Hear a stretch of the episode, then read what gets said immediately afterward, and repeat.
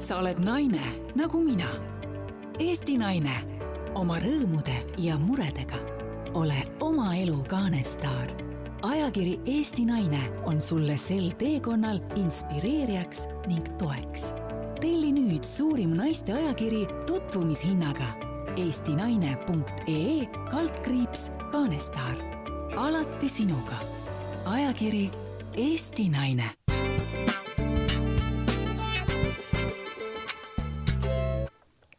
tere, minu nimi on Kristiina Himets ja te kuulete ajakirja Eesti Naine podcasti. stuudios on taas ajakirja peatoimetaja Heidit Kaja, ilma kelleta ei saaks mina selle podcasti tegemisega veel hakkama. esimesed sammud selles suunas on küll tehtud, aga kõik need lindistamiste süsteemid vajavad harjumist, õppimist, nii et tere, Heidit taas! tere, tere mm! -hmm.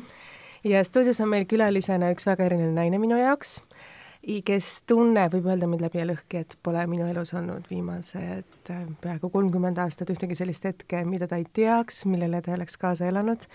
naine, kellele ma tean, et ma võin alati helistada öösel kas Eestimaalt või kuskilt välisriigist, kui mul on väga kurb hetk või mul on väga rõõmus hetk, kes on jaganud neid rõõme ja ebaõnnestumisi ja õnnestumisi minuga ühiselt. ja täna me, kui me oleme siin stuudios, siis ma võtsin kaasa tema sellise special'i, mida me tavaliselt siin Redditi teeme tema juures või minu juures siis kodus. See on tassika rohelist jasmiiniteed, kuhu sisse on siis purustatud ingver, see peab olema hästi krehvtine, selline mõnus ja seal sees peab olema eestlaslikult mõnus mahemesi. tere tulemast siia Bastioni moemaja endine disainer, moemaja looja ja tänaseks hoopis uue ameti, kuidas öelda siis, ameti selgeks õppinud naine veel nii hilises eas. tere, Merike! tere, Kristiina! tere, Merike Päära, veel kord, veel kord, et suur aitäh, et sa tuled, sest ma tean, et sa ei armasta intervjuude andmist, sa ütlesid, et sa andsid viimase intervjuu kui naisena viisteist aastat tagasi. see on ju praktiliselt kaks põlvkonda noori on peale tulnud, nii et et äh, suurepärane veel kord, aitäh sulle. ja alustame siis oma tänase reede õhtuga. nii et Merike, sa istud siin minu kõrval ja kas sul on veidi teistmoodi tunne, sest üldiselt äh, meie vestlused teisel siis toimuvad hästi privaatselt, täna see kõik läheb avalikkuse ette? no muidugi on teistsugune tunne selline kontrolliv, siiski. kas sulle meeldib, et ähm, kui sa lõid selle Bastioni moemaja, siis kõik oli tegelikult see sinu hallata, sinu kontrollida. et sa ütlesid praegu, et sa ei saa kontrollida seda, kas see on sinu jaoks oluline? absoluutselt kusjuures siit oleks täitsa huvitav küsida seda, et, et, et üldiselt öeldakse, et, et inimesed, kellel on suurem vajadus kontrollida, et nendel on keerulisem toime tulla selle praeguse ajastuga. ehk siis olukorraga, kus, kus tegelikult meie isegi lähituleviku üle pole meil noh, teadmist, kuidas asjad hakkavad minema just seoses koroonaga. et kuidas sul on see koroonaaeg mõjunud ja olnud? ei, ma arvan, et äh, ma ei ole seda nii tõsiselt võtnud, kui päris aus olla mm. -hmm. ma olen jälginud muidugi, ma ei hüppa pea ees vette, see on täiesti selge aga ma ei tekita ka sellest mitte mingit paanikat ja ma ei jäta kuhugi minemata. jah, võib-olla Hispaaniasse praegu ei sõida aga hakkame pihta siis sinu loost, et aasta vist oli tuhat üheksasada kaheksakümmend kaheksa, kui Postini moemaja sai alguse. kaheksakümmend seitse. kaheksakümmend seitse, ma vabandan vabandust kuidagi kaheksakümmend kaheksa on selline märgiline aasta, mis on kõigile meelde jäänud, et Bastion, Bastion hakkas varem, et ma tean, et sa alustasid Bastioni moemaja loomist Viru tänaval, sellises ühes pisikeses toas paari õmblusmasinaga. ja kuidas see asi edasi arenes? tead, seda ei saa nimetada loomiseks, sest tol ajal ei loodud veel mitte midagi kuidas see tuli idee, kuidas tuli idee selleks, et hakata seda moemaja looma sellisel ajastul, kus tegelikult poest ei olnud mitte midagi saada, kõik olid defitsiit, igaüks, iga naine omas heal juhul kahte kleiti, kui tal ei olnud mõnda toredat vanema või tädi, kes ei õmmelnud. no ega ma seda, see ongi see, et ma seda nagu ei loonud, vaid äh, see tuli kõik nagu automaatselt, ilma igasuguse ettevalmistuseta, tol ajal ei olnud ju meil teadmisi, mis tähendab üldse ettevõte, mis tähendab ettevõtte mm, pidamine, ülalpidamine, kogu see ja see asi tuli lihtsalt niimoodi, et ähm, oli vaja raha teenida, tundsid raha lõhna kui tegid midagi, tuli väga hästi välja, panid jälle kotti, viisid äh, tollal olid komisjonikauplused, komisjonikaupluses müüdi jälle kiiresti maha, põhimõtteliselt algas see niimoodi nagu Ameerika unelm, et üks taburet müüd maha, siis mhm. kaks taburetti müüd maha, siis teed kolm taburetti ja põhimõtteliselt toimis see täpselt samamoodi. mulle küll väga üldse ei meeldinud õmmelda, pole kunagi meeldinud aga sa oskasid seda? jaa, ma oskasin seda hästi siiamaani. kus sa õppisid seda? Mitte kusagil lihtsalt võtsid masina kätte, hakkasid? ei, mu tädi oli kangapoes müüja ja eks ma pärast kooli väga sageli olin tema juures. ja, ja kuna ma tegin peotantsu, siis paratamatult ei olnud kusagilt neid ilusaid leite võtta. siis tuli ise pusida, ise pusisid nii, nii kaua pusisid, kui hakkama said. aga sellest bastionist veel see kuna mulle õmmel, õmmelda ei meeldinud, siis oli vaja ära rääkida paar õmblejat, kes olid mul tuttavad Noorsooteatri kaks õmblejat. pärast oli Noorsooteater kindlasti mehe peale väga halb, pahane, sellepärast et nad tulid üle bastionisse tööle lõpuks. kaua nad töötasid seal? ma arvan, et nemad töötasid üks kümmekond aastat.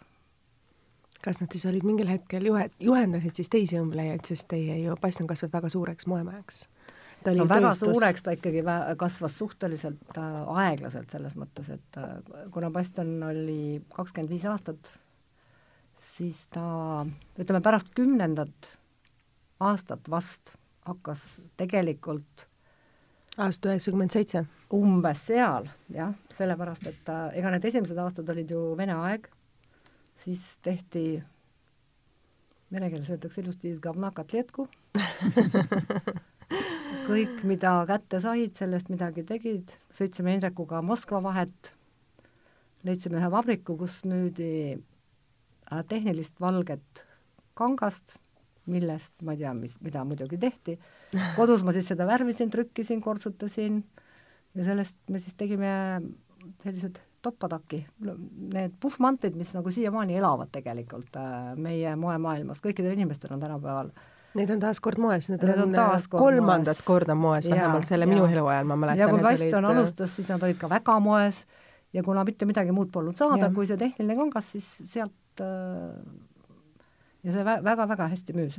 ma tean, et teil on mõned need rariteedid ka alles, et kindlasti kui tehakse mingisugune moenäitus aastatest kaheksakümmend, siis peaks need panema sinna väljanäitusele, sest tegelikult, kui ütleme ausalt, me kõik aastal kaheksakümmend seitse, kaheksakümmend kaheksa, üheksakümmend vast unistasime, me kõik kandsime neid ja see oli popp. jah, just. aga kui me läheme sealt edasi kümme aastat hiljem, mis tekitas selle vajaduse, et Bastioni moemaja läks nii suureks, hakkas edasi arenema, sest tolleks ajaks olid ju tekkinud ka sellised väikesed butiik-ateljee moemajasid, päris palju nagu seeni või ütleme nagu seeni pärast vihma hakkas tol ajal väga, tollal ikka ei olnud väga. ikkagi siis olid ikka esimesed sammud selle mm, nii-öelda praeguses mõistes normaalse moe ja, ja moekaupluste äh, tekkimises.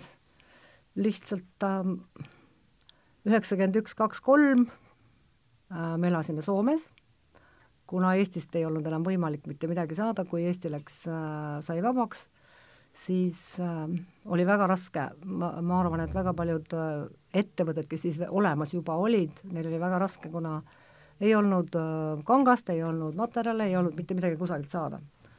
ja siis me läksime Soome ja Soomes ma sain äh, ühe tuttava käest sellise kutse, kuhu oli kirjutatud peale Premiere Visioon. ahaa, ja mida see tähendas siis? See on Pariisi kõige suurem moemess ja siis aga ma arvan, tollel ajal te vist ei mõistnud, mis see kutse tähendab, tänapäeval, kui saadakse see kutse, siis ei, igal no, moevaldkonna inimesel käed värisevad. aga mul oli punane pass, Vene pass, ma mõtlesin, et no okei okay,, noh, kutse kutseks, aga ega ma, noh, kuhu ma lähen sellega, mul ei ole viisat ega mitte midagi värisedes läksin Prantsuse saatkonna, seal Helsingis saatkonna ukse taha, mind lasti väga ilusti sisse, panin oma Premiere-visiooni kutse sinna laua peale ja punase passi juurde, ega ma väga palju rohkem ei pidanudki midagi rääkima, kolmeks kuuks oli viisa olemas ja ja nädala pärast sõitsin siis esimesele kangamessile.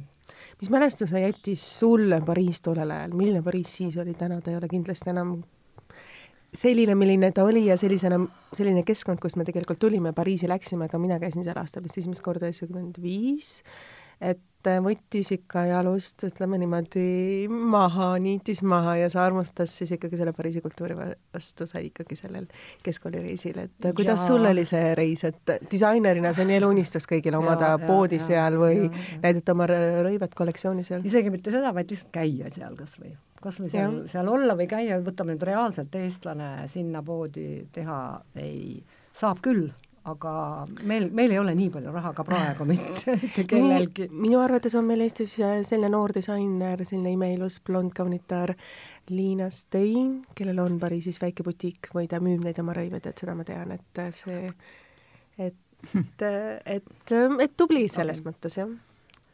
aga nojah, võrreldes sellega, kui ma esimene kord käisin, ma olen käinud Pariisis, ma arvan, viiskümmend, kuuskümmend korda. oh sa pagan see on nagu see on nagu aastas mitu korda siis ju? kaks mm -hmm. kindlat. siis esimesed korrad, kui oli veel eufooria ja, ja siis, kui Chanel'i, Chanel'i poe ukse ees tegid pilti, see oli ikkagi täiesti vau wow.. ja ma mäletangi nagu esimest korda ja nagu teine, kolmas, neljas, siis ma nagu rohkem nii väga ei äh, väga... see oli üks osa elust jaa, aga esimene kord oli tõesti ja kuna mul oli, meil oli tuttav äh, Soome naine, kes oli kakskümmend aastat Pariisis elanud, kes siis nagu viis meid siis igale poole Pariisi keldritesse, kus olid kontserdid ja igasugused äh, no kuhu, kuhu nagu ise ei oska turistina minna. mis on Pariisi süda. jaa, see oli kõik, see oli kõik vapustav. aga noh, see sinna esimesse korda jäigi ja pärast seda, kui sa nagu sinna messile sattusid siis seal on, kuidas ma ütlen, esimesed korrad messil on ka niimoodi, et äh, seal on kõike nii palju, seal on kõik nii suur, seal on kõik nii võõras, seal on kõik nii, esimene kord lähed, sa oled nii rumal.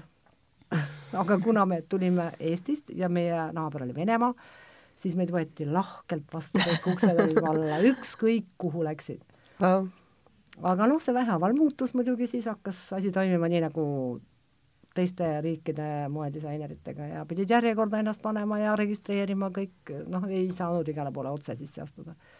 no ja kui sa seal oled käinud viiskümmend, kuuskümmend korda ja see messile sõit on tavaliselt metrooga, nelikümmend viis minutit kesklinnast, siis õpid ära selle küünarnukkide ja trügimise, et saaks istuma. tavalise reaalse pariislase elu. jaa, selle, need aroomid, mis metroosse äh, minnes ja õhtul koju tulles kell kaheksa-üheksa pimedas. see on, see on nüüd see tegelik Pariis, see Pariisi tegelik elu.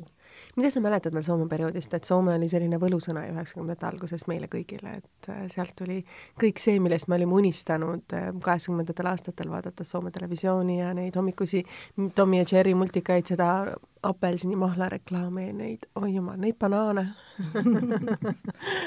minu jaoks Soome ei ole mingi unistuste maa ja, ja me läksime sinna Indrekuga lihtsalt olude sunnil. ja aga mis mõttes olude sunnil siis? Äh, sellepärast, et äh, vaata üheksakümmend üks, kui Eesti sai vabaks mm, -hmm. siis põhimõtteliselt me olime ju väga vaesed. meil ei olnud, meil ei olnud poes mitte midagi, ta, mul firma meil tegelikult eksisteeris, eks ju, ja inimesed olid tööl.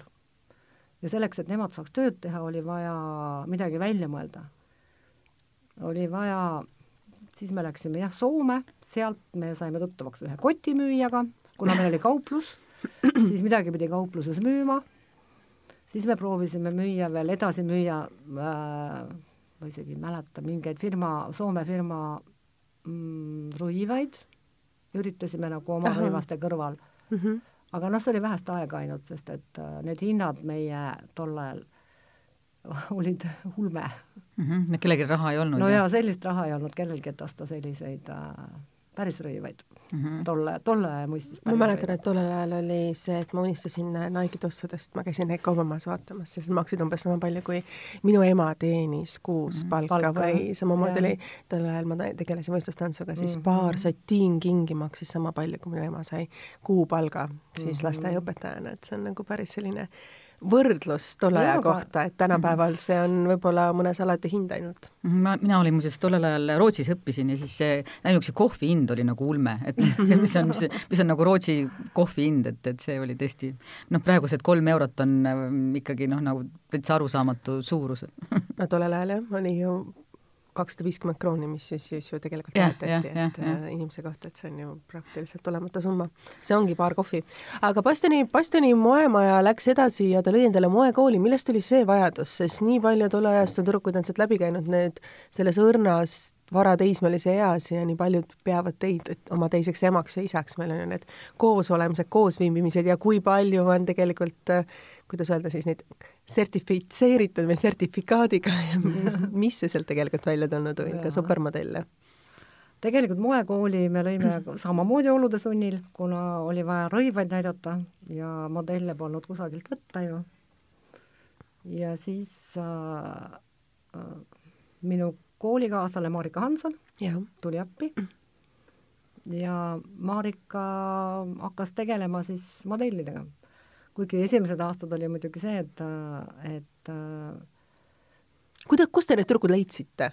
kuidas nad sinna tahtsid tulla? casting oli ikkagi, ma mäletan seda, et ma isegi ei mäleta, kus me kuulutasime, kuidas see kuulutamine tol ajal käis? ajalehtedes ikka. ajalehes vist, ma Mis arvan. kuulutusena sai? Jaa, ja ma arvan, et see oli kuulutus reklaamina nagu- või see oli otse, otsiti isegi partnerit, partnereid ju see jaa. ajalehekuulutusega, et otsi, otsin meest, otsin naist Ja võim-, võimalik, et see oli ikkagi ajalehes, jah. ja siis me kuulutasime, et võetakse modelle äh, modellikooli, noh, see kool kohe alguses ei, ei äh, ei na, nagu kohe alguses meil kooli nagu ei olnud, aga sellest kujunes välja kool, kuna nii palju tahtjaid oli ja Marika tuli meiega kampa, siis ega mina nende modellidega tegelikult ei jõudnud ju tegeleda, eks ju. selles mõttes, et äh, koolitada, koolitasid ikkagi Marika Hanson. ja Maita kooli meil mitmed korrad abiks. miks ma selle kooli tõin äh, siia jutuks, on selles mõttes, et ma olen ise seal käinud ja Jaa. mäletan, et et äh, kuidagi tuttavate kaudu oli see nagu väga popp asi ja tollel ajal noore tüdrukuna sa nagu läksid kaasa, mida teised rääkisid ja siis ma sattusin ise samamoodi sinna casting ule, aga nagu ikka noh, mul on elus juhtunud, et kui sa lähed, katsetad, siis sina saad ja võib-olla veel üks-kaks inimest, aga need kümme-viisteist, kes, kellega sa koos läksid, et need ei pruukinud äh, võib-olla edasi saada. et minul on hästi positiivsed mälestused sellega, et meil olid erinevad tunnid, erinevad asjad, seal oli nagu tore koos viibimine tüdrukutega ja mäletan, kui Merike tuli, siis me kõik üritasime võtta kõige ilusamad poosid sisse, et jumala pärast meid märgatakse, sest Bastioni ma moeshow'd olid ma pole elu sees nii mõelnud, et ma mõjun nii hullusti. noh, nagu sa ütlesid, sul ei olnud endal aega tegeleda, aga aeg-ajalt sa käisid nendest tundidest läbi, sest ma tean, et need Bastioni moeshow'd, meil oli Bastioni aed Viru tänava alguses, kus olid need suured moeshow'd, Bastion oli igas teises telesaates, ma olen ise olnud lapsmodellina linnahalli laval, kus saal oli täis rahvast, meil oli lastenumbrid ja need suured modellid, kes seal kõik laval olid, et see oli nagu, see noore tütarlapsena selline eesmärk, kuhu nagu pürgida või mida, mida nagu teha, et sa saad suurel laval olla, kus sind saalides inimesi vaatab, et see oli midagi müstilist. et kas sa ise mäletad ka midagi nendest aegadest, linnahall? ja, ja minu jaoks oli see täiesti, kuidas ma ütlen, nagu loomulik asjade käik, sellepärast et ma ise olen äh, kogu aeg laval olnud, ma tegelikult ju äh, ülikooli ajal läksin variteesse tööle ja töötasin kümme aastat seal. kas sa seal kohtasid pärast- Indrekut, seda ma tean ma päris seal ei kohanud, armastuslugu? aga kuna ma tegin ka peotantsu pikalt, siis, siis äh, ma kohtasin Indrekut ikkagi peotantsutrennis aa ah,, okei okay. aga kooli ajal oli ainuke variant oligi käia tööl õhtul varietis, sellepärast et äh, noh, päeva, päev otsa olid koolis ja no okei okay,, laupäeval muidugi oli väga sageli äh, konspekti raamatus selline pastapliiatsiga ülevalt alla pikk triip, sellepärast et lihtsalt uni tuli peale. tavaliselt oli see Eesti ajalugu, ma mäletan väga hästi. aga noh, mis on niimoodi see, tol ajal elati. mis on see, mis Indrek, millega Indrek sind ära võlus? Selline, võib-olla üks asi, meil kõigil on erinevad arm-, noh, ütleme, armumise perioodid noore teismelisena, ma mäletan, ma vist üheksa-aastasena armusin endast kümme aastat vanemasse ühte tantsijasse, keda ma nägin võistlusel ja noh, mingid sellised hetked, mida sa võib-olla meenutad tollel ajal. aga mis oli see võib-olla see üks sõna, ma tean, et sa ei taha seda öelda, aga mis on võib-olla see üks sõna, mida sa ise ütleksid, mis oli Indrekust, sest te olete ju koos olnud peaaegu mm, nelikümmend aastat, nelikümmend üks. täpselt, noh, ühe aastaga eksisin. mis oli see? Jäärapäisus. jäära, jäära, jäärapäisus. kusjuures see tavaliselt ei ole väga kõige võluvam nagu iseloomujoon aga see on sihikindlus, see on sihikindlus, see on eesmärk. vaevalt, et ma suudaksin elada sellise mehega, kes äh, vaatab mulle otsa ja ootab, et Otsustab. ma ütleks talle, mida mm. -hmm. peab tegema.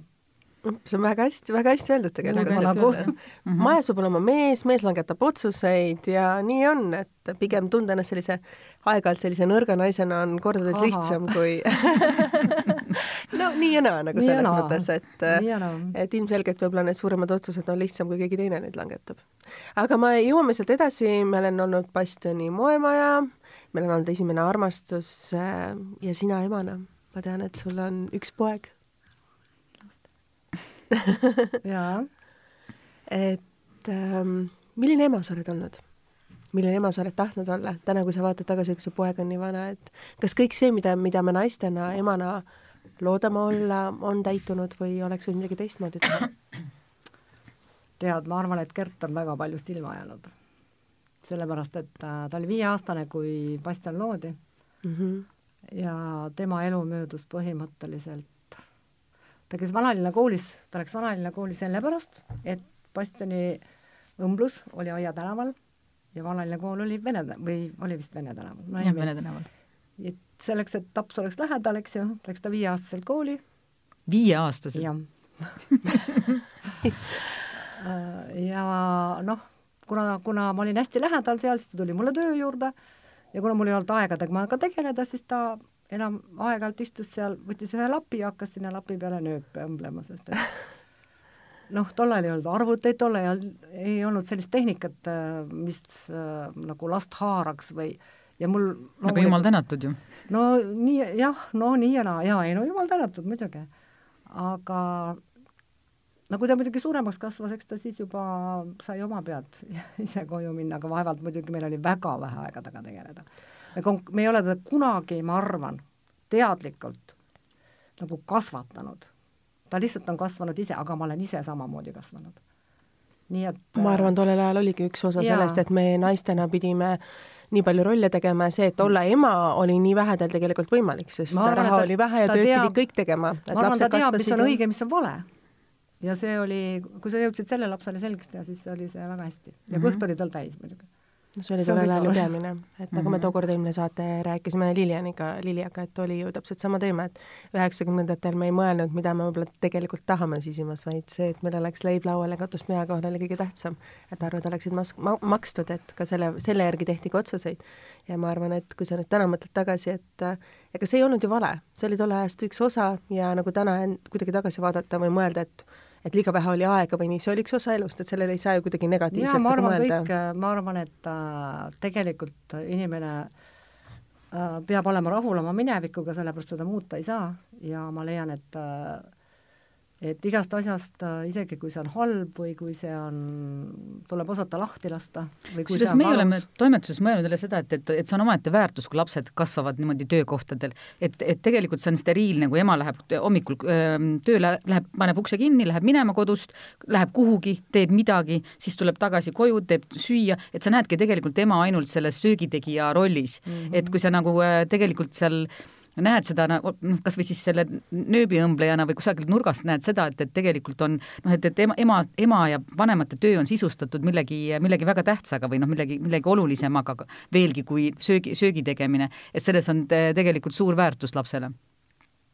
aga ma ma arvan, et Meke võib ennast pidada ka mitme, kuidas öelda, modelli jutumärkides nagu ema, ema eeskujuks, ema figuuriks, vähemalt mulle üks nendest, et äh, ma olen sinult õppinud hästi palju sellist julgust, enesekindlust ja sihikindlust ja täpsust, millest ma pean tunnistama, et ma ikkagi armastan hilineda, see on minu enda probleem, et ma pean panema kuidagi varajasemaks need ajad, et ma lähen varem, et ma ei hilineks see kümme-viisteist minutit, aga see täpsus, et kui sa ma mäletan, kui sul juhtub midagi või sul ei ole, siis olenemata sa annad teada sellest.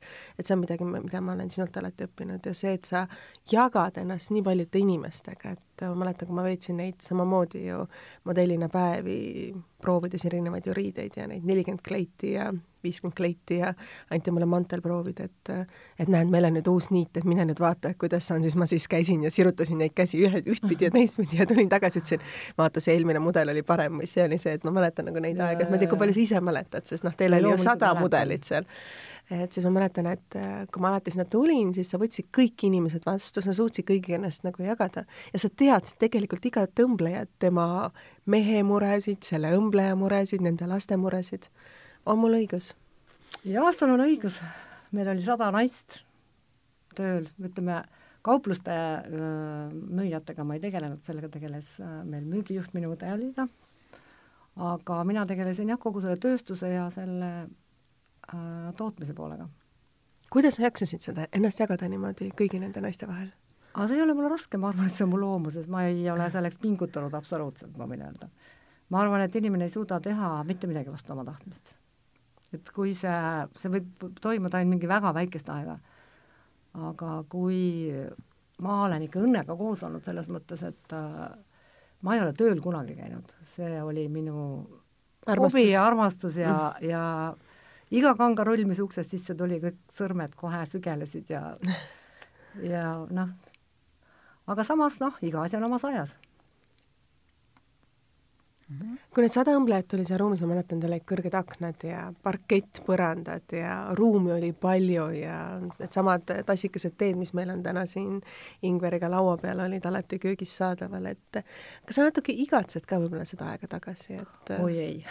ei, aga miks, miks mitte? tead sa, ma olen äh, äh, ma tunnen seda, et äh, tuleb edasi minna selles mõttes, et tuleb osata asjadest lahti lasta sest äh, iga asi on omal ajal ja omas, omas mahlas väga okei okay,, aga aga mingil ajal on, kui on asjal algus, on ka, ka lõpp. see ei tähenda seda, et see lõpp peab olema nagu halb või mingil määral, või selles mõttes, et halb, mitte mingil juhul, sest et äh, meie otsustasime lõpetada sellepärast, et äh, kuidas ma nüüd ütlen? ajastus sai otsa. asi jah, sai otsa lihtsalt asi sai otsa ja oligi kõik. selles mõttes, et äh, mõttetu on Don Quixotet mängida. ma sain aru nagu, et me võime vaata, kuna, kuna Bastian tegi sellist rõivast, mis oli väga keerulise tehnoloogiaga mm -hmm. ja väga, väga kvaliteetne, väga kvaliteetselt seda me mäletame, teame. ja ma ei suuda grammigi sellest allapoole, noh, äri, Bastian ei olnud äri, see oli tegelikult see oli õnnestunud äh, ettevõtmine, jah, aga päris äriks seda nimetada ei saa. aga kui sa teed asja hästi, siis tuleb ka kasum mm. -hmm. seda võib öelda, et see oli üks siis sinu nendest beebidest, et Gert on sul poeg ja Bastian oli mõnes mõttes siis sinu tütar, sest kõik need ja, pitsid ma... ja satsid ja, ja kleidid ju said ju sa seal läbi aga tead sa, ma üldse ei põe, et seda enam ei ole. see on minevik, see on tore minevik ja ütlen veel, et tuleb osata asjadest lahti lasta, elada tänases päevas. kui sa, me räägime asjade lahtilaskmisest, siis ähm, see, kuhu sa olid nagu jõudnud selle Bastioniga ja arvestades ka siis ütleme sinust rahulolu ja elus kõikide saavutamist ja kõik asjad, mida sa saad tegelikult siin Eestis üldse nagu teha või üritused, kuhu minna või tiitlid, mida sa saa, saa, võiksid saada, näiteks ka Kuldnaela, mis on siis Eesti kõige suurem moehaun, mida antakse nagu välja, et kõik on tehtud. nüüd võiks ju nautida seda elu Hispaanias villas, päikese käes, koos oma kallimaga, klaas punast veini ja elu on ilus? No kaua sa ikka naudid? Alkohoolikuks võib jääda niimoodi. Mis siis juhtus, Merike, et me teame, et sa oled täna hoopis asisemal äh, tööl, mis on nagu sada kaheksakümmend kraadi. Uus algus võrreldes sellega, mida sa oled nii suur osa oma elust nagu teinud. disain, mood, kõik see, mida, millega me sind nagu seostame, on selline nagu kunstiline pool ja nüüd sa oled sellises karmis, reaalses äh, hoopis teises valdkonnas. aga see ei olegi nii karm ja nii aga mis see on? see on inimestega tegelemine tegelikult. -hmm.. jaa mm -hmm., jaa, väga, väga. ja kus su teekond alguse sai kinnisvarani, ma tean, et see on olnud su väike kirg, millest on väga vähesed teadlikud. jaa, kogu aeg lihtsalt Indrek armastas, tema kirg oli ehitamine. ja me oleme, me, Indrek on ehitanud päris mitmeid maju aga noh, ega ta siis ju sisekujundusega hakkama üksinda ei saa ja, ja seda sisekujundust olen ma teinud noh, aastaid, olen sõbrannadel aidanud teha kodusid, olen kõik oma kodud teinud, nüüd Hispaanias need äh, ehitused, mis äh, Indrek praegu teeb, äh, on sisekujundus, on minu tehtud. ja tegelikult on see, et me oleme noh, olude sunnil kuidagi see, kuna Bastionil oli oma tehas, me ei olnud rendipinnal mm. -hmm. paratamatult ja paratamatult sa pidid olema äh, kursis äh, igasuguste seadustega, igasuguste äh, ütleme, asjaõigus, võlaõigus, kõik need äh, seadused olema läbi lugenud enda jaoks selleks, et teada, et mitte eksida ja noh, kas see... majade haldamine oli tegelikult mõnes mõttes ka kaudselt või mitte kaudselt sinu õlul? Ei no haldamine konkreetselt ei olnud, aga, aga meil ei olnud ka eraldi inimest, kes sellega tegeleks. no täpselt, sa pidid olema ja. kõikide nende detailidega kursis. Jah. aga ma tean no., Noh. et sulle meeldib ka tegeleda projektidega, et projekteerimisega ja selliste detailide asjadega. jah, ütleme niimoodi, et äh, ma võin seal kõrval öelda, kuidas ja mida, aga ma joonestamist ei kannata või mulle ei meeldi arvutiga töö absoluutselt ja SketchUpi, okei okay. aga sa armastasid joonistamist, moodisainide joonistamist välja mõelda see on seda, joonestamine on hoopis teine asi. joonestamine, joonistamine. joonestamine on kriipsude tõmbamine ja nagu mulle ei meeldi konstrueerida ka lõikeid, see on selline peen järjekindel pliiatsitõmme, noh, kõik peab olema väga täpne ja väga ma saan sellega hakkama, mulle, ma, mina alustasin niimoodi, et ma viskasin, ütleme, riidetükki laua peale ja vaatasin silmajärge lõikasid välja ja siis panin päris esimesel aastal, ütleme, panin nõeltega selga ja selle südalisele lõikasin ära. Au sellest tunnistas, Ja siis ma kellel on alles, veel riideid aastas kaheksakümmend väga seitse. ruttu endale konstruktori, et, et nagu mulle ei meeldinud selle, selle asjaga tegeleda, mulle meeldis nagu luua, näha, mis sellest asjast saab, aga kui ma juba nägin, ma alguses äh, ju õmblesin ise ka need asjad kokku, aga kui ma juba nägin selle toote välimust ja olemust ja siis jäi ta mul sinna pooleli äh, riidepuu peale ja siis keegi teine pidi selle lõpuni õmblema. see mind enam ei huvitanud, siis ma võtsin järgmise asja ette. et sa ütleme kärsitu vist ma just tahtsin öelda, et uued algused on sinu jaoks äh, siis olulised. kärsitu vist, jah. Sa just hetk tagasi, kui me olime siin stuudios ja ma seda teed siin valmistasin, et sa ütlesid, et äh, väga, ühe väga ägeda lause ütlesid, kuidas oli alustada uuesti kõike seda? et sa lähed uuesti tööle, sa hakkad tegelema täitsa uue valdkonnaga. vanuses kuuskümmend pluss, jah. täpselt. et see on ju müstika tegelikult Ah? ah?. see on tegelikult müstika, selline elupööre teha sellises vanuses. no ta ei ole müstika selles mõttes, et ei, mind huvitas küll, et kas nii vana inimest võetakse veel kuhugi tööle, kõik räägivad, et ei võeta, ei võeta. ma mõtlesin, et noh, et kinnisvara huvitav ala, et mul on palju sõpru, kindlasti keegi tahab midagi maha müüa või osta. või osta mm. -hmm. ja ma millegipärast olin jälginud äh, seda Laami firmat äh, päris algusest peale, kui nad äh, Mm -hmm. tulid, sest neil oli ähm, kuidas seda siis nimetatakse, internetis väga toredad, väga, väga toredad, tore, kena lehekülg, nad reklaamisid ennast väga ilusasti. kuidagi teistmoodi, mulle tundus, et see firma on teistmoodi kui kõik teised kinnisvaraettevõtted. on perekond. see on perekondlik ettevõte, sarnane, nagu Bastion. nagu Bastion. seda armastust ja süda ja, ta on väike, ta ei ole suur. ja eks ma siis otsustasingi, et ma lähen proovin, saatsin mm., üks päev lugesin, et Oi Laam otsib äh, kliendihaldureid, väriseva käega, ma ei osanud CV-d kirjutada, laps aitas. Ausalt, ma ei osanud, mul ei ole kunagi pida- pidanud seda tegema. ja siis ma läksin esimest korda elus, läksin siis äh, töövestlusele.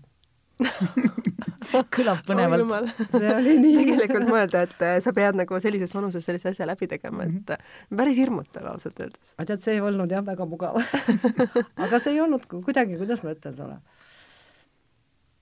kes seda intervjuud vastu võttis, kes sind intervjueeris? issand, ma ei mäleta selle mehe nime, aga ta oli, ta koolitas neid äh, kinnisvaramaaklereid, kes sinna tulid tööle, ta praegu enam ei tööta meil. Aga mida sa ise tundsid sellel intervjuu ajal olles? sa oled ise ju tegelikult andnud ikkagi erinevaid intervjuusid ja nüüd sa oled teises rollis. nojah, ma olen rohkem inimesi tööle võtnud no täpselt, ma just mõtlengi. uh, ega ma väga ebamugavalt endast ei tundnud, sellepärast et äh, ma läksin nagu, kuidas ma ütlen, noh, saab, saab, ei saa, ei saa, ega No ma ei olnud üldse kindel nagu, et mind sinna võetakse. no sul ei olnud jah selg vastu seina, et, et mul ei olnud selg vastu seina jah, mul ei olnud see elu küsimus. mm -hmm. Aga, aga siiski äh, see ei, mul ei olnud väga mugav olla ütlen kohe otse välja. kuidagi enesekindlus nagu äh, selles vanuses ikkagi on juba, ma tundsin, et ma ei ole enesekindel, tegelikult, selles kohas, aga oleks võinud olla, sest mitte midagi katki ei ole. kui sa, kui sa oskad seda, sest ma teadsin, et ma oskan seda eriala, selles mõttes selle eriala tehnilist poolt, ütleme, nende objektide leidmine on iseasi, see on erinev asi, aga äh, kui sa objekti leiad, siis see äh, kõik need lepingud ja, ja need äh, notarid ja kõik selline pool oli mulle väga tuttav. et see, selline asi sulle meeldib, selline organiseerimine ja selliste asjade korraldamine, sa alles hetk tagasi ütlesid, et sulle ei meeldi selline täpsete kriipsude joonistamine, et noh, see lepingud on on, on ju ka teine. selline täpse punkti tagaajamine, õige Nojah, aga sõna see- kirjutamine no seda küll jah, aga see on selline nagu, seda ei saa ikka võrrelda. teistmoodi. See on teistmoodi jah, täpsus selles mõttes, et vaata, ma tõesti, nagu sa enne ütlesid, ega ma tõesti mitte kuhugi mitte kunagi hiljaks ei jää. ma ja. olen alati viisteist minutit varem kohal, vähemalt. see on meil kahjuks, sinult ma küll olen proovinud seda omandada, aga siiamaani ikka ma, ei õnnestu see mul. aga tead, see on iseloomu küsimus, see on nii, see ei ole üldse, üldse probleem. mujal maailmas on see lihtsalt tavaline jah, kui er, eriti arvestades seda, et te ju ka Hispaanias olete neid majaprojekte ja asju ja, teinud, et see oli, hakkaski ju sealt pihta tegelikult see kinnisvara asi, see hobi sul. no seal on tund aega siia-sinna täitsa normaalne. Kuidas sul endal oli seal Hispaanias olles sellist asja nagu mõelda, et sul on ärikohtumine, mis on siis nagu sinu jaoks nagu nende projektide tegemine, kui te seal teete ja siis inimene lihtsalt hilineb tund aega, et noh, muidugi närv jääb aga lõpuks harjud ära ja lõpuks -hmm. harjud ära lihtsalt, lihtsalt lähed ise ka tolgendad kohale sinna suvalisel ajal tolgendad suvalisel no, ajal kohale? see ongi, no nad elavadki nii minu meelest. mis see, mis see töö nüüd äh, täiesti teises valdkonnas on sulle andnud, et sa oled seal vist ligi paar aastat olnud? ei ole veel, ma olen natuke üle aasta. poolteist, poolteist aastat, poolteist aastat et kuidas sa tunned ennast nüüd nagu selles keskkonnas ja kuida-, mida sa ütleks nagu teistele naistele, kes on võib-olla elu lahkteel, ma ei tea, kolmkümmend pluss, nelikümmend pluss, viiskümmend pluss, kuuskümmend, ma arvan, keegi ei julge enam kodust välja minnagi, et äh, mis sa ütleksid sellistele naistele, et kui sul tuleb teha need rasked otsused, et minna, hakata otsast peale, täiesti kõige lihtsamast äh, esimesest astmest? tead, väga raske on soovitust anda, sellepärast et äh... mis on sind inspireerinud? See, et ma tööle läksin uuesti. täpselt kus sa leidsid selle tahte või jõu, et sa võid küll armastada seda valdkonda, aga miks sul seda vaja on, et nii mõnus on kodus ju tegelikult, eriti veel sinu võimaluste juures, vabandust väljendusest, käida mõnusalt susikestega ringi, kohvitass käes, rääkida sõbrannakestega. ja siis ongi prillid nina peal ja suss, suss, suss ja räägime maailma taga ja ma ei ole väga lobiseja tüüp selles mõttes, et ma ei ole, ma, ma ei selles osas ma vaidlen vastu, minuga on seda lobimis ah., lobisemist ikka olnud väga palju aga noh, see on nagu teistmoodi asi aga ma, ma tooksid välja selle, mida sa, Kristina, küsisid, et mis siit õppida on teiste jaoks või teiste jaoks eeskujuks võtta, siis tegelikult see enesekindluse asi küll või eneseusaldamise asi, sa praegu ütled ju, et, et sa oleks võinud te tegelikult täitsa rahumeeli nagu palju enesekindlam olla ja millegipärast äh, ei Oleksin, olnud. jaa, ei olnud jah um kas see võib olla ka sellest, et kui me tegelikult üles kasvasime, siis seda enesekindlust meile ei antud kaasa? et kõik läks nagu nii, nagu ta läks, et sellist enesekindlust nagu su koolis ei öeldud, et olenemata, milline on sinu arvamus, see on õige arvamus. tead, ma arvan, et eh, noorest peast oli mul väga palju enesekindlust, sellepärast et niimoodi teha äh, show sid bastioniaias jaa äh,, ma mäletan, olen osalenud. ma pakun isegi, ainuüksi varieteesse tantsijaks minna nõuab teatavat enesekindlust. see, seda ma olen eluaeg teinud, ma olen nagu väiksest peale kuna ma olen Kohtla-Järvel, siis ma muidugi käisin Besni Bleski selle tantsuringis aga noh, aga ma olen eluaeg, mind on pandi tantsima väga noorest peast. ja noh, ma olen laval harjunud olema, see ei ole üldse probleem mu jaoks. suurem probleem mu jaoks eneseväljendamine nagu sõnades on nagu nagu suurem probleem. ma millegipärast kujutan ette, see enesekindluse teema on ikkagi mingisugune vanus, naised vanuses viiskümmend pluss hakkavad ongi. muutuma mm -hmm. natuke nähtamatuks, et ja kui sa loed ja, igalt ja. poolt, igalt poolt loed veel, et näe, viiskümmend ja kuuskümmend, et need on, ja kuidagi seda on väga palju ajakirjanduses, et et võib-olla ma, ma isegi ei oska öelda, kas seda peab nii palju nagu puudutama, seda teemat, et noh, näed, viiskümmend ja kuuskümmend ja ta selles Tead, mõttes on hea, et siis tekib teadlikkus päriselt seda, et ega ma ei tunne, et ma selles vanuses olen, sest mul on kõik sõbrannad on nelikümmend, viiskümmend on lagi ma absoluutselt saan sinust aru nagu selles mõttes, et ma ennem ju ka esimeses saates, kui me muud rääkisime ka sinuga, et nii lihtne on tegelikult jääda selleks nähtamatuks äh, kehaks seal kodus. et kuidagi meestelt oodatakse, et sinu parim töökoht tuleb nelikümmend pluss viiskümmend, siis sa oled nagu see kõige paremas ajastus ja kõige paremini peaksid ennast tundma, enesekindlad. naised on kuidagi selleks ajaks juba kadunud, nii võtame, võtame järjest, no sa ütlesid ka meedias, teleekraanilt nad kaovad ära, ajakirjanduses ka tegelikult esikaantel, sa ise Heidit ütlesid, et nii keeruline keeruline on tegelikult neid naisi sealt esikantele saada, seda enesekindlust neile anda no. et aga... kas see võib olla ka meis, Eesti naistes, sest mujal maailmas sa lähed, sellist asja ei ole?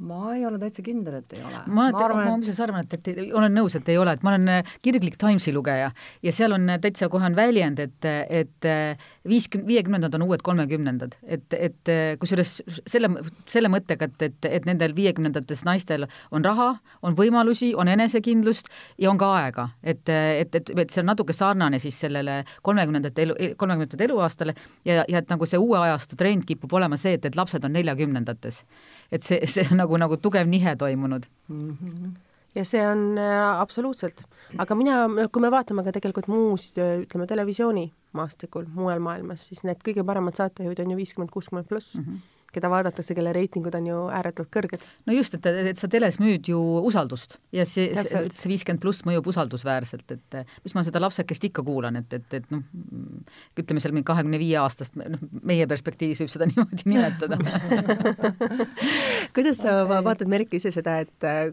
sina nüüd ütleme sellises ähm, võib-olla natukene uues rollis, kuidas sa ennast tunned usaldusväärsena? Kui sa võrdled ennast nagu teiste sama valdkonna inimestega praegu täna nüüd seal et kas, kas kliendid võtavad et... sind, et võib, võib-olla isegi tänu va vanusele nagu, et, et, et sind võib usaldada paremini isegi? ei, ma, ma päris seda, seda, ei, ma päris seda pole tundnud mm. -hmm. sest meil on väga tublid äh, maaklerid, nagu väga tublid ja meid on väga vähe. meid on kusagil vist natuke üle kümne või, kaksteist kusagil, ei ole üldse palju. ja no mina olen muidugi kõige vanem mis natuke mind noh noh, mm, kuidas ma ütlen, meil on kõik ilusad noored kas sind natuke häirib ka see või, või sa tunned ennast kuidagi teistmoodi, et sulle suhtutakse teistmoodi? ei, minus sa... ei, minust ei suhtuta teistmoodi ja tegelikult ega ma nende seas ei tunne ka seda, aga, aga mõnikord tuleb see mul lihtsalt meelde aeg-ajalt ma ikkagi mõtlen selle peale. mõtle, kas järelikult on see tarbetu teadmine? see on täiesti tarbetu teadmine, ongi. aeg, mul tuleb see meelde siis, kui ma peeglist mööda lähen aga tegelikult või kui ma see... liftiga sõidan üles tööle, vot siis on nagu, vaata lifti valgus on igal pool hästi nõme niimoodi külje pealt. ja kui sa tead, kuidas pildistamine käib, on ju, ja ja noh, kuidas ma, ma ju tean, kuidas valgused pannakse, et, et kuuskümmend pluss ka kena välja näeks mm no siis need liftid on küll päris jubedad, võiks minema trepist tööle. Aga tegelikult on ju meie enesetunne on meie endi teha, et me tunneme ennast täpselt nii vana, nagu me tunneme. Ja minul on aeg-ajalt täna selline tunne, et ma olen see kaheksateistaastane, kes absoluutselt ei tea, mida teha, kuidas teha, kuidas ma pean hakkama saama, kõik on nagu täiesti üksi uuesti, et selline nagu hirm, sellise teismeeli, hilisteismelise hirm on nagu taas sisse tulnud, et et sinul ei ole endal olnud sellist asja? Et kui sa hakkad otsast peale kõike tegema? no selles vanuses ei saa enam sellist hirmu olla, ma arvan. sest et mul on pension võileiba ma saan ikka osta. ja seda ma, kõrvaltööd ma teen for fun kas sa kunagi mõtlesid näiteks, äh, ma ei tea, kolmekümneaastasena, et kui ma olen pens-, noh, vabandust, on ju, sellest pensioniikka jõuan, siis ma teen sellise kannapöörde ja ma ei taha olla nagu see, kuidas öelda, vanema generatsiooni esindaja, vaid ma tahan ikkagi hingest jääda selleks nooreks. ma arvan, et ükski inimene ei mõtle niimoodi. ma arvan, et ma ei tea, võib-olla mina kindlasti ei mõelnud. ma ei, ma ei usu, et sina ka mõtlesid niimoodi, et ei. kui ma saan vanaks, siis ma teen seda. ei, ma ei mõel-, ma ei mõelnud, ma arvan, et äh, ma olen elanud nagu, kuidas ma ütlen, mõtlemata selle peale, mis homne päev toob, ausalt. ma lihtsalt olen elanud no, ilma täna... pideva analüüsita, selles mõttes, et ma ei analüüsinud kunagi, mis saab homme, mis saab ülehomme. no see on see, mille, mille peale praegu müüakse tohutult kursuseid, on ju, see on see mindfulness, on ju, et, et või kohaloleku õppimine, et, et, et sa oled seda osanud siis lihtsalt kogu aeg. ma ei tea, sellepärast et noh, no mis saab, elada saab. hetkes, elada hetkes mm, -hmm. nautida praegust hetke, mitte ja, mõelda ja. minevikule ja mitte mõelda nüüd liiga palju ette, mis sind ees ootab. ei no, no selles vanuses nagu praegu sa ikka natuke mõtled selle pärast saame kuuskümmend. ei no sa mõtled lihtsalt, vaata, lihtsalt sa saad nii vanaks ja siis sa mõtled, et noh, et vaata, midagi ei teha, aeg-ajalt siit valutab ja siis valutab ja aeg-ajalt ei jaksa tead kivi selga võtta enam suurt. noh, sellised asjad tekivad, aga ei, noorest peast ma ei, kõik oli, elasin. hüppaks korra tagasi sinna Kohtla-Järvele, sa korra mainisid seda, et sa oled Kohtla-Järve tüdruk. miks see, miks see sõna on nagu sinuga kaasas käinud, mis see Kohtla-Järvel siis nii teistmoodi oli kui mujal Eestis no täpselt, äh, mis ta praegu on, ega ta oli tol ajal täpselt samasugune, seal ei olnud võimalusi, mitte mingisuguseid. kuigi noh, tähendab ei, kui ma oleksin parteiliini mööda edasi läinud, oleks kindlasti võimalused, sest koolis ma olin, kuidas see oli, sõjalise, sõjalise kas sa oskad relva, sa oskad relva kasutada? ma panin kõige kiiremini selle automaadi kokku ja lahti. gaasimask oli peas kas sa tahtsid saada sõjaväelaseks või mõtlesid selle, ei, see oli koolis oli lihtsalt selline noh, nagu selline kohustuslik tund ja ega me siis keegi, ega siis Kohtla-Järvel ei näinud ju Soome televisiooni ega mitte midagi, seal, seal puudus selline asi. seal tegelikult puudus täiesti, sa elasid omas mullis selle, selle kitsa, selle väikse ringi sees ja tegelikult see, mis väljapool, nägid ainult Vremjat, meil hästi, seal halvasti ja see oli kõik, su kogu informatsioon. Kusjuures ma olen pannud tähele, et, et, et see võib olla täitsa vale üldistus, aga, aga need, kes sealt Kohtla-Järvet välja murravad, siis nad mõnikord on ambitsioonikamad kui võib-olla teised, et et kuidagi nagu see arusaamine sellest noh, nagu edasipürgimise vajadusest on, on nagu suurem või, või aga samas võib ka lihtsalt olla tarbetu üldistus ma arvan, et kui sul juba tekkis selline tunne, et sa tahad sealt ära tulla, siis oli mingi põhjus, miks sa ei taha seal olla. ma arvan, et seal oli lihtsalt see põhjus, et et sa soovid rohkem teha, kui see koht võimaldab.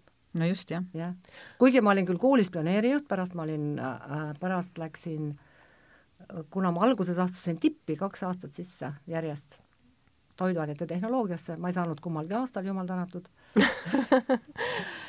ja äh, mõtlesin jah, selles mõttes, et oleks ma parteiliinimene läinud, oleks, oleks mul võib-olla teistsugune, aga ma ei, ma poleks suutnud seda teha. sest tol ajal ma juba õmblesin.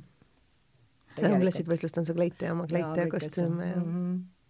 mu nagu mm, kihk oli hoopis midagi muud.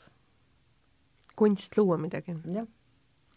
ma mäletan, kuidas ma üritasin oma tuba ringi teha vineerist, vot tollal oli kõigil ju need äh, tumepruunid läikivad kapid ja, ja punane vaip ja punased ma arvan, paljudes kodudes veel siiamaani. ja siis ma üritasin kuidagimoodi seda tuba nagu ja. ringi teha ja saagisin vineerist mingeid ringikesi niimoodi sinna seinte peale. no tollal oli juba see, et saaks ümber teha iga nädal ma pidin kõik asjad ümber nihutama, kuigi mu toas oli voodi ja kapp ja rohkem mitte midagi sealt sisekujunduse kirg, mida sa siis nüüd oled äh, vanemas eas, kuidas öelda siis, teoks teinud suuremalt? tegelikult. see asi on nagu kompaktne, kogu see mood ja kogu see kujundus ja kogu see, ja mingil määral on ka, ma ütlen sulle, see kinnisvaraäri natukene sinna, kuidagi ma ei oska öelda, noh, ta on huvitav minu jaoks ma tulen tagasi selle teema juurde, vaata sa mainisid, et erinevatest kohtadest, kus sa tuled, et võib see ambitsioonikus suurem olla.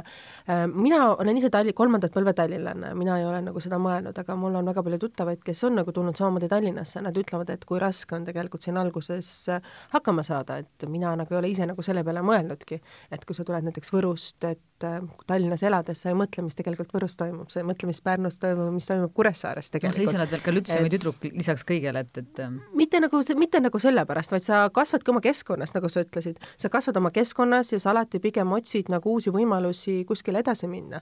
noh, ilmselgelt ähm, elades Tallinnas sa ei mõtle väiksemate asjade peale, võib-olla mõtled suuremate asjade peale, aga ma arvan, et kindlasti, kes kasvavad üles väga pisikestes kohtades, võib-olla väga armastatakse neid pisikesi kohti või nad mõtlevad natuke suuremalt. tänapäeval ma arvan, keegi ei mõtle enam, et nende maailm peaks peatuma Tallinnaga, vaid äh, noortel on ambitsioonid pigem London, New York, Tokyo et tänapäeval maailm on muutunud hoopis nagu selliseks.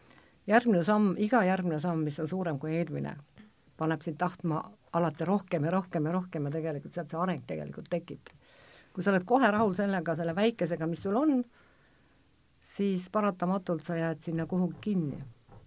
aga noh, eks neid võimalusi ka peab olema, rahalisi võimalusi, et sa saad selle järgmise sammu astuda.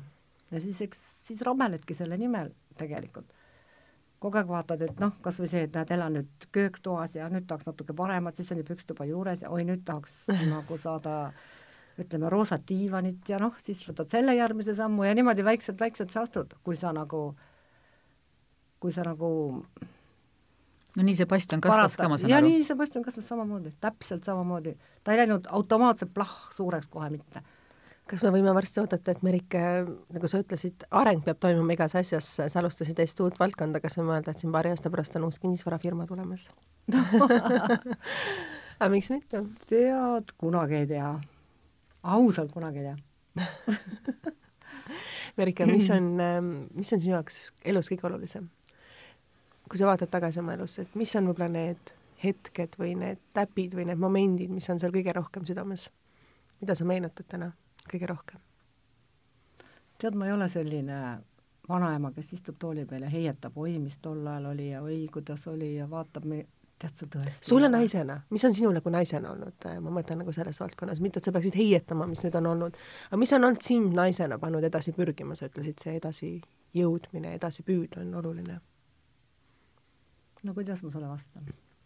inerts maa külge tõmbaja, lihtsalt ma olen tegutsenud, ma ei ole mõelnud mm ma ei analüüsi kogu aeg oma tegevust, kui päris aus olla. võib-olla peaks aga selles mõttes jälle äh,, kui sa ei ole nagu nii mm, muidu ei oleks Bastian algust saanud, kui ma poleks olnud nii hulljulge tol ajal. sest ma mäletan, mida moemaja meist rääkis, kus Eesti naine kirjutas väga inetult Bastionist vabandan, et, vabandan tagantjärele. mul on kusagil isegi see ajakiri alles mm. -hmm ja ma arvan seda, et kui ma oleks lugenud seda ja oleks selle hinge võtnud, ma arvan, et äh, mitte midagi poleks olnud. passionit poleks olnud, mitte midagi poleks olnud. aga kust see mu enesekindlus tuli, ma ei tea, inimene lihtsalt on selline, nagu ta on.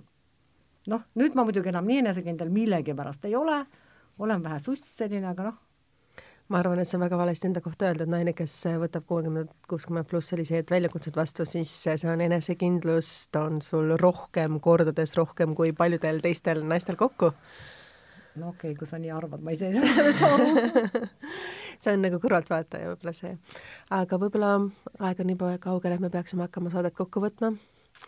aitäh sulle, Merike, et sa tulid siia, jagasid oma kogemust, oma asju, sa oled imeline ja see julgus ja enesekindlus on sul nii suur, lihtsalt sa võib-olla ise ei julge seda öelda välja et võib-olla see oleks midagi, mis, mida meie naised peaksime selles, seda saadet kuulates õppima, et öelda välja, et me julgeme, tahame ja me saame hakkama ja oleme seda teinud kordades rohkem, kui me suudame seda endale tunnistada või tahame tunnistada, et see on oluline.